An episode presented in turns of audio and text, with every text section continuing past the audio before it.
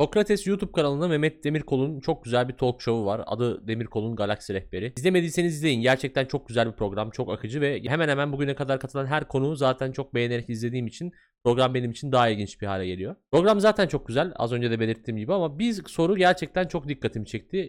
Her gelen ünlüye şey diye soruyor. Yaralanma anın var mı? Bu soruyu duyunca ben de kendi kendime sordum. Acaba benim ilginç yaralanma anım var mı? Daha sonra aklıma bir yaralanma anısı geldi. Daha sonradan daha ilginç bir yaralanma anısı geldi. Daha sonra dedim ki yok lan bu daha ilginç galiba falan filan derken ben bayağı bir yaralanma almanağı oluşturdum kendi kafamda.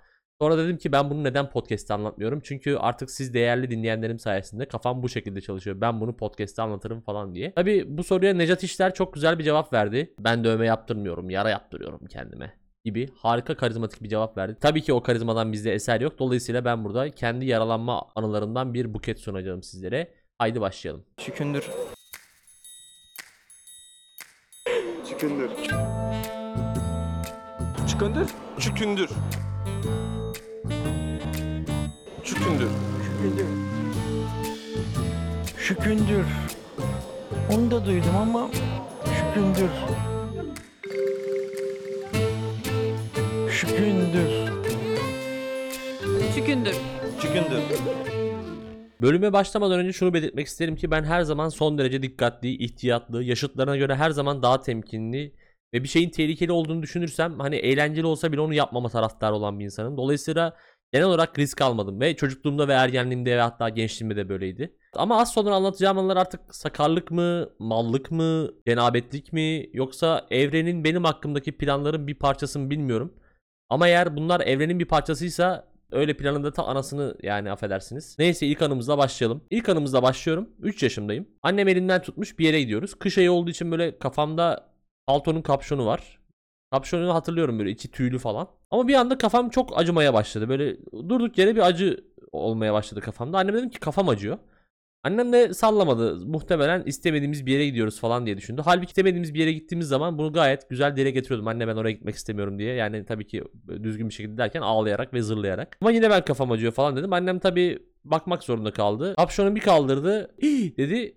Kapşonun içi komple kan olmuş. Kafam yarılmış. Daha hemen evin önündeyiz yani. Bahçedeyiz. Bir yere çıkmadık. Hani sadece evin önünde bir bahçemiz gibi bir yer vardı. Oradan yürüyoruz daha. Onun oradaki kaldırımdan yürüyoruz. Bahçenin duvarında böyle serpme taşlar vardı. Hani serpme duvar diyorlar sanırım ona. Muhtemelen kafam oraya sürtmüş ama ben fark etmemişim yürürken. Artık nereye nasıl yürüyorsak anlamadım. Neyse ki üst komşumuzda iki tane tıp fakültesi okuyan abi vardı. Hemen annem ilk müdahale için onların kapısını çaldı. Kapıyı açan abimizi meğerse kan tutuyormuş. Dolayısıyla fenalık geçirdi ve uzaklaştı. Böyle soğuk soğuk terlemeye başladı. Diğer abi de nöbetten mi ne gelmiş uyuyormuş onu uyandırdık. Sağ olsun güzel bir pansuman yaptı. Daha sonra hatta hastaneye gittik dikiş atıldı falan. Ama gördüğünüz üzere yani dümdüz ebeveynimin gözetiminde şımarıklık yaramazlık yapmak gibi bir durum yok. Sadece yürürken kafamı yardım. Kafama dikiş atıldı. O da yetmezmiş gibi belki de nöbetten dönen belki de ders çalışmakta olan iki tane internün gününü mahvettik. Birisine baygınlık geçirdik diğerini uykusundan kaldırdık. Yani durduk yere herkese zarar verdim kendimde başta olmak üzere. Bundan 4 yıl sonrasına gidiyoruz. Bisiklet sürmeyi öğreniyorum. Daha doğrusu öğrendim. Yani iki tekerlek üzerinde kullanabiliyorum artık. Kuzenimden bana kalan bir BMX bisiklet vardı. Onu da öğreniyorum bisiklet sürmeyi. Ama yolda sürmeye falan korkuyorum araba çıkar falan diye. Hani annem babam salmıyor değil. Tamamen kendi korkum. Öz korkum yani. Dolayısıyla trafiğe kapalı alanlarda sürmeye çalışıyorum.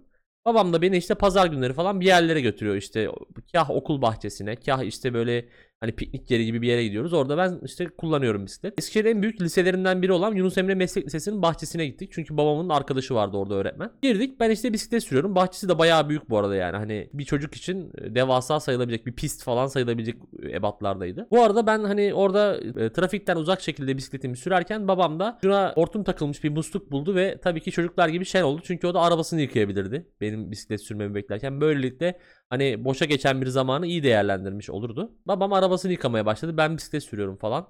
Herkes mutlu, herkes huzurlu. İletişimin minimum seviyede olduğu, herkesin dalgasına baktığı, belki de olması gerektiği gibi olan bir baba oğul pazarı yaşıyorduk hep birlikte. Ta ki benim hani tehlike yok diye gaza gelip bisikleti aşırı hızlı kullanıp daha sonra kontrolü kaybedip kendi tellerle çevrilmiş bir yeşil alana dalmam Dolayısıyla da kendi telinde benim dizime girmesine kadar. Büyük bir panikle babamın yanına gittim ağlayarak. Hadi bisikleti elimle götürüyorum falan. Dizim yarılmış yani böyle kanıyor falan. Bu arada telden kendim çıkardım dizimi. Ya baya baya girdi o dikenli tel dizime ve oradan kendim çıkardım. Daha sonra tabii hemen panikle eve gittik. Babam hemen anneme götürdü beni işte böyle al oğlunu bilmem ne falan kesin. Babamın öyle replikleri vardı yani bir şey olduğu zaman al oğlunu bilmem ne diye hemen çıkışırdı. Halbuki %50'si de kendisine aitti o oğlun ama o anlarda pek onu idrak edemiyordu. Neyse. Annem tabii bu arada şey yapıyor, pansuman yapıyor işte sana emanet ettik de bilmem ne falan filan. Bayağı hem kendi dizimi yardım hem tetanoz olma riskiyle karşı karşıyaydım hem belki de bir mini aile faciasına yol açtım her zaman olduğu gibi. Bu anıyı unutmaya çalışıyorum fakat kafamdan silemiyorum. Zaten unutsam bile dizimdeki o yarık izi hala duruyor ve bana bunu hatırlatıyor. Bundan iki yıl sonra kuzenimle evde top oynuyoruz ama hani top derken sünger bir top öyle vakit geçirmek için işte hani. Ama tabii biraz eğlence katmak amacıyla olaya bir teatrallik kattık. İşte ben kah işte Rüştü oluyorum. Kah Beckham oluyorum. O işte Roberto Carlos oluyor. Sonra dönüyor işte kaleci Oliver Kahn oluyor falan. Bir yandan bir de bizim kuzen çok güzel maç spikerliği yapardı. Bir yandan da bizim maçı anlatıyor yani. Hem oynuyor hem anlatıyor. Böyle bir yeteneği vardı kendisinin. Neyse gördüğünüz gibi gayet riskten ve hani birbirimizi sakatlamaktan uzak bir durumdayız ama o tiyatral havada bir gün maçta kavga çıkmasına karar verdi. Çünkü neden e, gerçekçi bir maç oynamıyorduk? İtişen iki oyuncuyuz biz. Ve bir anda onun canlandırdığı oyuncu yumruk atacak. Öyle bir kavga çıkacaktı çünkü. Tabi o yumruk atar gibi yaparken ben de kafamı sağa doğru çevirmem gerekiyormuş. Ben mal gibi sola doğru çevirdiğim için burnuma harika bir yumruk geldi. Çok yani gerçekten boks olsa 3 puan falan verilebilecek bir kroşe yedim. Ve burnum aşırı kanamaya başladı ama öyle böyle değil. Yani 2 saat falan durduramadık. Evde Allah'tan kimse yok. Hani kendi kendimize sadece sadece burnuma pamuk falan tutarak işte bu kanamayı durdurduk. Ama başka hiçbir şey yapmadık ve kimseye de söylemedik. Çünkü şey zaten evde top oynamamız çok hoş karşılanmıyor. Artı hani niye böyle bir şey yaptınız diye azar işitebilirdik. Artı ben bir daha belki kuzenlerime gidemeyebilirdim falan gibi riskleri değerlendiriyoruz. Hani bir de kuzenim niye azar eşitsin şimdi sanki kavga etmiş gibi olacağı için. Neyse biz 2 saat sonra falan her tarafı temizleyerek üzerinde kan olan kanıtları ortadan kaldırarak olayı örtbas ettik. Peki hani bunda ne var bu kadar diyeceksin yani alt tarafı ufak bir kaza. Bu olaydan bir 10 sene kadar sonra ben nefes alma güçlüğü şikayetiyle kulak burun boğaz hekimine gittim ve kendisi dedi ki senin burnun kırılmış ve kaynamış. O yüzden yamuk. O yüzden bir deliğin kapanmış ve nefes alamıyorsun. Ve benim burnuma dair aldığım tek darbe buydu. Yani dolayısıyla benim o gün burnum kırılmış ama artık nasıl olduysa biz o işi örtbas edeceğiz diye hani çok, sonrasında çok ağrı falan da yapmadı bu arada. Herhalde yerine kaynamış yani benim teorim bu şekilde. Ve biz yani evde dümdüz oyun oynarken burnumu kırmayı başarmışım. Böyle bir anımız. Bundan bir yıl kadar sonra apartmanımızın önünde dümdüz duruyoruz. 5-6 çocuk. Bakın hiçbir şey yapmıyoruz. Oyun oynamıyoruz. Aso bile oynamıyoruz yani. Hiçbir şey. Düz duruyoruz. Yine hiçbir tehlike yok. Hiçbir eğlence yok. Hiçbir aksiyon yok. Ama biz orada dururken 3. kattaki komşumuz aşağıdan zile bastı ve dedi ki kapı kolunu at. Şimdi kapı kolu ne? E, bizim apartmanımızda Bodrum katta kilerler var. E, bu komşumuz da kilerinin güvenliğini bir kilit ve kapı kolunun seyyar olmasıyla sağlamış. Yani kapı kolunu alıp kapıyı açıp daha sonra geri eve çıkarıyorlar. Böylelikle kilerlerini hırsızlardan koruyorlar. Gerçekten mantıklı bir çözüm. Neyse 3. kattaki komşumuzu bu kapı kolunu aşağı atıyor. Yalnız biraz fazla atmış. Yani daha doğrusu bizim olduğumuz bölgeye doğru atıyor. Şimdi size durumu yani çizerek anlatmak isterdim ama maalesef sözel olarak anlatacağım. Belki Instagram'a bir şema çizerim. Instagram.com çukundur podcast. Çukundur alt çizgi podcast'te bu çizimi görebilirsiniz. Neyse şöyle bir numaralı arkadaş e, hafif yana kayıyor. 2 numaralı arkadaş hafif yana kayıyor. 3 numaralı arkadaş hafif yana kayıyor. Ben de kayma gereği duyarak kayıyorum ama bir, bir numaralı arkadaşın olduğu yere doğru kayıyorum ve kapı kolu laps diye çakağıma çarpıyor ve kafam yarılıyor yine. Yine kan revan, gene gözyaşı, yine kanter. Yani durduk yere kendi kendimi sakatladım. Kapı kolunun koşu yoluna doğru gittim açıkçası. Yani böyle bir ara pas gibi oldu. Komşumuz sanki bir ara pas atmış da ben ona doğru gidiyormuşum gibi oldu. Ve tabii kan, ter, gözyaşı işte komşumuzun kızına e, hiç gereksiz yere azar kayıldı falan. Halbuki ne gerek var? Kızın ne suçu var yani falan. Neyse sonuç olarak benim kafam yine yarıldı. Yine kafam sarıldı. Yine pansuman yapıldı vesaire vesaire. Daha sonra durum analizi yapıldığında aslında benim bulunduğum yerden hiç ayrılmasaydım kafama hiçbir şey olmayacağı anlaşıldı ve yüzüme söylenmese de galiba biraz mal olduğum bana ifade edildi. Aradan bir 5 yıl geçti. Artık lisedeydim. 10. bölümde aslında biraz bahsetmiştim bundan ama kol kırılma olayından bahsedeceğim. Bu sefer biraz daha detaylandıracağım. Ee, Lisedeyiz. işte basketbol oynuyoruz ve maç yaptık, bitirdik ki maçta da öyle ben hiçbir zaman kendimi zorlamaz hani sakatlayacak bir hareket yapmazdım. Maçtan sonra sakin sakin şut atıyorum. Tam şut atarken ayaklarım yerden kesilmişken bir arkadaş şaka olsun diye beni ittiriyor. Ben havada olduğum için yerle bir bağlantım olmadığı için bana bir kuvvet uygulandığı için dengem bozuldu ve kolumun üstüne düştüm. Bu arada uzun kollu sweatshirtle oynuyordum basketbol. Hava biraz serindi. Hani neyse dedik gittik falan filan böyle işte kolum acıyor ama çok da acımıyor. Hadi dedik bir şey yapalım. Çeşmeye gidelim yüzümü su tutayım falan filan. Abi bir baktım kolum ters dönmüş ve bir bombe oluşmuş kolumda. Yani kolumu zaten oynatamadığımdan biraz şüpheliydim ve kolum kırılmış. Neyse hemen nöbetçi öğretmen nezaretinde bir de okulda olduğu için çok büyük bir drama eşliğinde işte ağlayanlar bilmem ne yapanlar lise yılları işte anlarsınız. Hastaneye gittik. Doktor röntgen çektirdi. Röntgen sonucuna göre verdi bir tane hasta bakıcı ve bir tane sağlık memuru. Bunu alçı yapacaksınız dedi. Adamlar da güzel güzel alçılarını yaptılar. Bir yandan böyle muhabbet ediyorlar. Ben orada yokmuşum gibi hiç hani sallamıyorlar ama kırığı alçıya almanın şöyle bir sıkıntısı var. O bombe gibi olan yeri oturtması gerekiyor yerine. Dolayısıyla böyle bastırıyor. Hani kırık kemiğe yuvasına otursun gibisine bastırıyor yani. Bence eğer cehennem diye bir yer varsa cehennem azaplarından biri olabilecek bir acı. Bastıra bastıra böyle yani otursun diye bastırmak zorunda adam ve orası kırık. Yani son derece çirkin ve iğrenç bir his. Neyse bu ikili güzelce alçılarını tamamladılar. Aslında bu kırıkta gördüğünüz gibi pek bir aksiyon yaşanmadı. Rutin kontrollerime gittim. Her şey yolundaydı vesaire. Bir ay kalması gerekiyordu alçının. Nitekim bir ay dolduktan sonra tekrar hastaneye gitmemiz gerekiyordu. Ama artık babam üşendi mi yoksa bilmiyorum başka bir sebep mi vardı. Biz dükkanda otururken dedi ki hadi ben şu alçıyı çıkarayım dedi. Ya da ben aa, bilmiyorum artık maceraya mı atılmak istedi nedir. Bayağı dükkanda otururken yan keskiyle babam bütün alçıyı kesti ve kolumdan çıkardı. Alçı kolumdan çıktı ve kolum cücük gibi kalmıştı. Bir de sanki çok aşırı kıllanmış gibi geliyordu. Bir de yumruğumu bile sıkamıyordum yani. Gerçekten o da tuhaf bir his. Kendi konunuza tam hakim olamıyorsunuz. İsterdim ki hikayemiz burada bitsin. Maalesef bitmiyor. Kolum alçıdan çıktıktan 2-3 hafta sonra sanki 12 dev adamın seçmenlerine gidecekmişim ya da Anadolu Efes'in çok önemli bir basketbolcusuymuşum gibi. Sanki hemen basketbol antrenmanlarına başlamam gerekiyormuş gibi. Yine maç yapmaya başladık arkadaşlar. İşte buluşuyoruz. Yaz tatili başlamıştı bu arada. Okulda değiliz. İşte Eskişehir'de stadyumun altında Night Ball denen bir yer vardı. Bütün Eskişehir basketbol gençliği orada toplanırdı. Adeta bir Harlem edasıyla herkes orada hünerlerini sergilerdi. Neyse oraya gittik. Orada basketbol oynuyoruz. Ve ben bir tane abiye blok yaptım. Herhalde o da içine sinmedi veya işte kendisini küçük düşürülmüş hissetti falan. Ben de onu bir sonraki pozisyonda geçerken bana çelme taktı. Ya da ben onun ayaklarına takıldım bilmiyorum ama ben sanki kasıtlı gibi geldi bana. Öyle söyleyeyim. Yine ben kolumun üzerine düştüm. Yine kırıldı. Ve yine aynı şekilde ters döndü ve bombe oluştu. Yanımda ilk sefer kolum kırılan kolumun kırıldığı arkadaş vardı. Dolayısıyla biz çok soğukkanlı bir şekilde hatta biraz gülerek ulan gene kırıldı ya falan derken abiler böyle birlikte oynadığımız çocuklar bayağı bir dehşete kapılmışlardı ama biz sanki hiçbir şey olmamış gibi pılımızı pırtımızı topladık. Daha sonra yakınlarda bir sağlık ocağı var. Oraya gittik. Akşam 6.30 gibi falandı. Orada acile girdik. Bir tane adam gördük. Dedik ki işte kolum kırıldı. Adam dedi ki bu saatte kolum kırılır. Son derece haklı bir önerme. Daha sonra arkadaşım babası tıp fakültesinde profesör olduğu için hani onu aradık ne yapalım diye. O da dedi ki siz dedi tıp fakültesine gidin acile ben orada arayacağım birilerini. Neyse biz gittik tıp fakültesine taksiyle. Asistanlar veya internler tam emin değilim ama galiba asistanlar var. Neyse işte röntgen çekildi. Kırık olduğu teşhis edildi ki gerçekten e, ben direkt söylemiştim zaten kırık olduğunu. Neyse hani bu alçı yapılma işlemi vardı ya kol oturtuluyordu yerine az önceki şeyde anlatmıştım. Bir hasta bakıcı ve bir sağlık memuru yapmışlardı. Başımda 5-10 tane artık intern müdür, asistan mıdır, karışık mıdır bilmiyorum adam. Oturdular abi benim kolu aldılar. Bir bir yerden biri bastırıyor, bir bir yerden biri bastırıyor. Ah tam olmadı diyorlar bilmem ne yapıyor. Baya kadavra gibi beni aldılar ve incelemeye yani kolumun orasına basıyor, bu orasına basıyor. Gerçekten sırtım kanter içinde kaldı. Ve işin kötüsü bir yandan da şeyi arıyorlar. Hocalarını arıyorlar. Hocam işte şöyle kırık, hocam işte böyle kırık. O zamanlar tabii WhatsApp falan olmadığı için görüntülü arama veya hani röntgen fotoğrafı gönderme gibi bir imkan da yok. Benim kırığı betimliyorlar. İşte şöyle gözüküyor hocam, böyle gözüküyor hocam. Adam da muhtemelen hani yemeğini yiyor evde karısıyla, çoluğuyla, çocuğuyla vakit geçirirken bunlar da ha hı ha tamam öyle falan diyor muhtemelen. Dedik, dediler ki ameliyat edeceğiz. Bu kola tel takılması lazım. Daha sonra bir 15-20 dakika sonra update geldi. Koluna platin takılması lazım dediler. Neyse ki annem e, buradaki ketemperenin farkına vardı herhalde ve dedi ki ben dedi oğlumu bir de devlet hastanesine götürmek istiyorum yarın. Asistanlar biraz bozuldu falan ama yapacak bir şey yok. Hasta rızası sonuçta yani velim. Dolayısıyla atel yaptılar koluma ve ben o gece alçısız olarak kolum kırık bir şekilde uyudum. Yani bayağı bir zordu çünkü hani yürümekte falan sıkıntı yok. İşte diğer kolunda öbür kolunu destekliyorsun. Hani dikkatli davranıyorsun ama uykuda hani kontrol dışıyken insan korkuyor ya koluma bir şey yaparsam diye. E, o gece biraz kaygılı ve zor bir şekilde uyudum. Ama bu alçısız olarak uyuduğum son gece olmayacaktı. Ertesi gün devlet hastanesine gittik ve annem haklı çıktı. Çünkü oradaki doktor dedi ki bu parçalı kırık falan değil düz kırık. Bunu alçı yaparız ve düzelir. Hemen o da yanına bir tane hasta bakıcı aldı.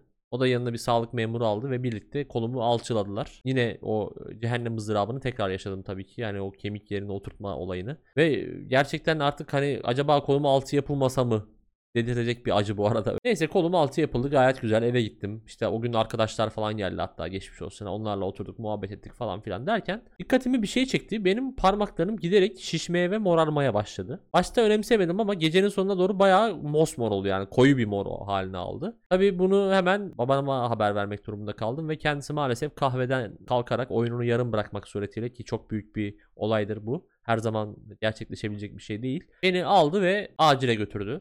Acilde dediler ki bu kol kangren olmak üzere e, alçıyı kesmemiz lazım. Tamam hemen ortopedi kliniği arandı. Oradakiler dedi ki burada sağlık memuru yok şu an yani ya- klinikte. Şey yapın beyin cerrahiye gidin orada vardır. Beyin cerrahiye gittik evet orada sağlık memuru varmış. Oranın sağlık memuruna dedik işte alçı kesecek. Adam dedi ki ben en son lisede kestim ama ne yapacağız artık çare yok diye aldı alçı kesme makinesini.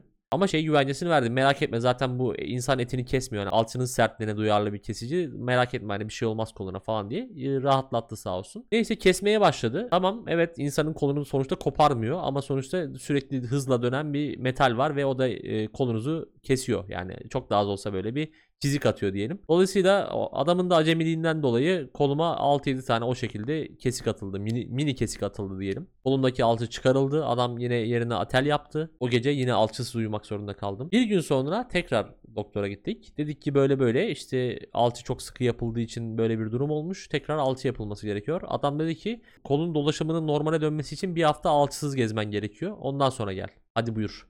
Zaten alçısız gezmek yani artık ızdırap gibi geldi. Çünkü diğer kolunuzda e, kırık olmayan kolunuzu desteklemek durumundasınız. Böyle bir sıkıntılı bir durum. Mecbur tabii ki doktor dediği için kabul ettik. Bir hafta ben gene alçısız gezdim, alçısız uyudum. Her işimi alçısız yapıyorum ve gerçekten hani kolum da acımaya başladı. Çünkü yavaş yavaş sanki atelinde gevşediğini hissediyor gibiyim yani bir yandan. İyileşme sürecinde olması gereken bir kol hala alçısız. Bir hafta sonra tekrar doktora gittik. Doktor dedi ki tamam alçı yapılabilir ama şu an sağlık memurum olmadığı için alçı yapamam kusura bakmayın. Ve günlerden cumaydı. Artık böyle hayal kırıklığı, e, bıkkınlık, babamın kahveden sürekli geliyor olması ve hani işini gücünü bırakıyor olması artık herhalde bıkkınlık noktasına getirdi. Dedi ki hocam ben dedi yarın sizin muayenehanenize gelsem orada yapar mısınız? Adamın tabi gözünde dolar işaretleri oluştu ve dedi ki tabi tabi yaparız yarın gelin kartını verdi falan bize randevu verdi. Ertesi gün gittik adamın muayenehanesine. Bir gün önce sağlık memurum yok diye alçı yapamayan adam bir gün sonra babamın desteğiyle birlikte alçıyı yaptı. Yani sağlık memuruna gerek yokmuş aslında alçı yapmak için. Tabii ki yine cehennem azabı gene yaşandı. Gene kolunun yere oturtulması, işte o çatır çutur ses gelmesi ve bu çatır çatır ses gelmesinin esnasında babamı da gördüm. Babamın da gözleri dolmuştu gerçekten. Zor bir durum olsa gerek insanın evladını o pozisyonda görmesi. Görüldüğü üzere saçma sapan bir basketbol hevesi. Asla hani hayatımda hiçbir etkisi olmayacak. Ne basketbolcu olabildim. Ya amatör kulüpte bile oynamadım öyle söyleyeyim. O derece bir basketbolla alakam olmamasına rağmen. Çoğu basketbolcudan daha çok çektim sakatlıktan. Dolayısıyla böyle saçma sapan bir e, macera yaşadık tüm aile boyu. Daha sonra tabii kolum tam iyileşmedi gibi oldu. İşte yamuk kaynamış falan dediler. Tekrar mı kırsak dediler. Dedim yamuk kalsın. Öyle devam edeceğim ben hayatıma. Lütfen daha fazla bana azap yaşatmayın. Kırık kemikler ve imkansız alçılarla içinizi şişirdiğim bu sekanstan sonra bambaşka bir yaralanma çeşidiyle devam etmek istiyorum. Hep darbeye dayalı, kanamaydı, kırılmaydı falan bunlardan bahsettik. Biraz da yanık diyelim mi? Açık tenli bir insan olduğum için güneş beni oldukça rahatsız eder.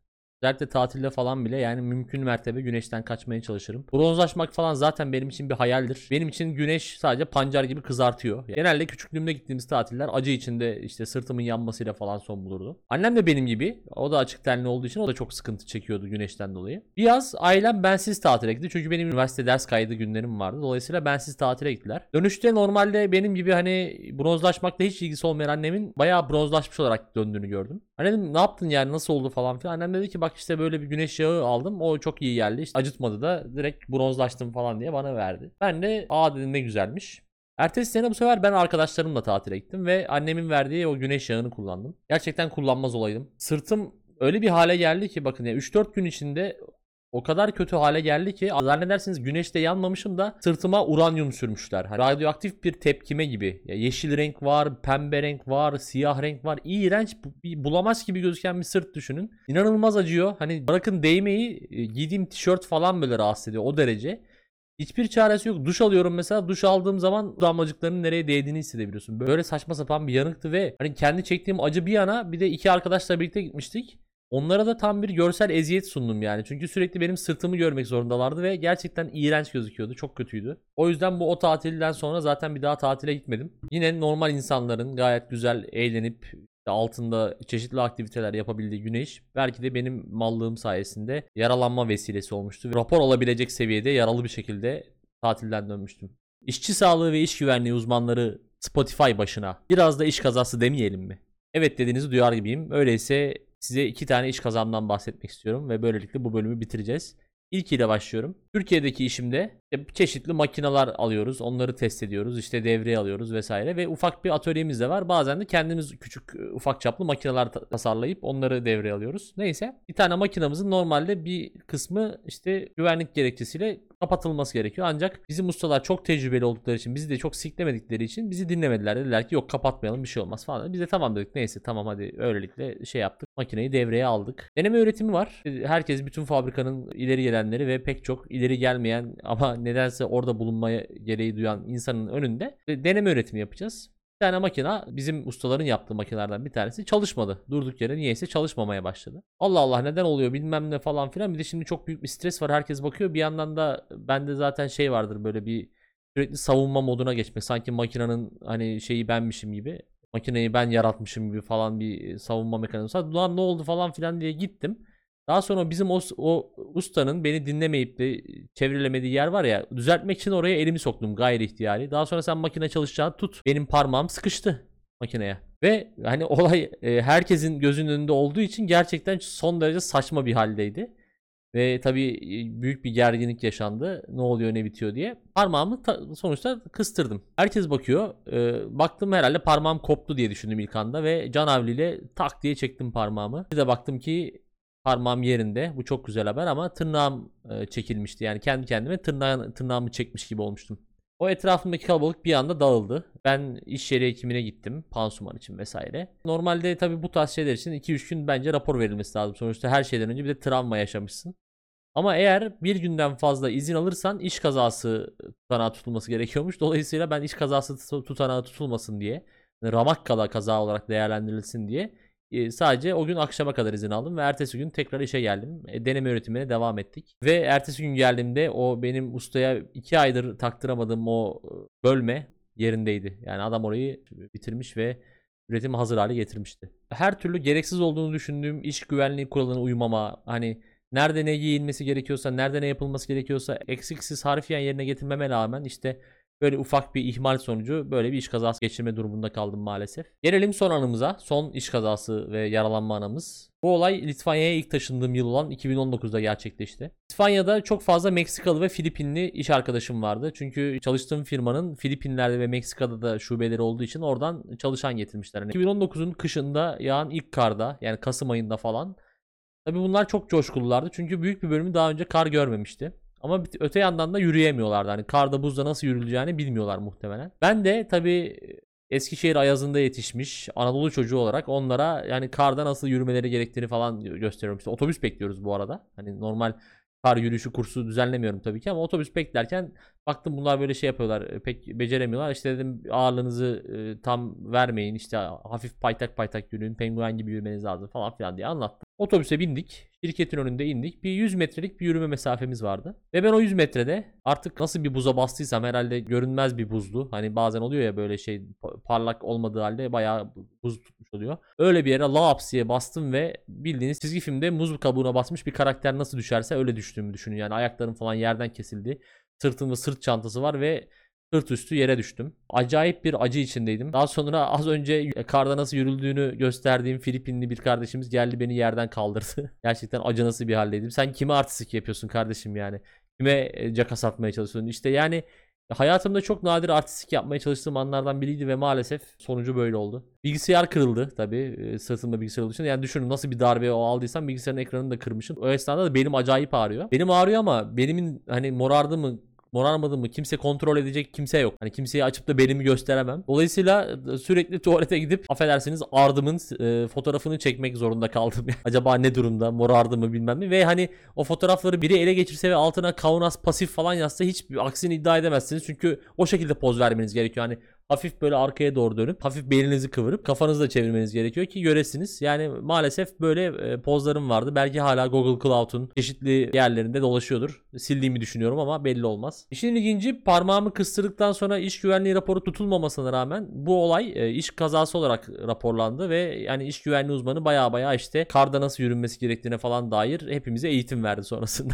bu da ilginç bir detaydı. Bazı ufak sıyrıklar işte bıçak kesiklerini falan saymazsak bu olay benim son yaralanmamdı. Zaten bu olaydan sonra yurt dışında ve yalnız yaşayan bir birey olarak zaten hali hazırda olan evhamım işte dikkatim iki katına çıktı. Artık en ufak fiziksel sıkıntı yaratabilecek hiçbir aktiviteye katılmıyorum. Kendimi kötü hissettiğim anda her şeyi yarıda bırakıyorum. Çünkü biliyorum ki gerçekten burada geberip gitsem bir ay sonra kiram yatmadı diye peşime düşerler. Onun dışında kimsenin arayıp soracağı da yok. Neyse sonuç olarak benim yaralanmalarım bu kadardı. Buradan Mehmet Demirkol'a sesleniyorum. Eğer beni programına davet edersen hangisini anlatmamı istersin hocam? Yorumlara bekliyorum.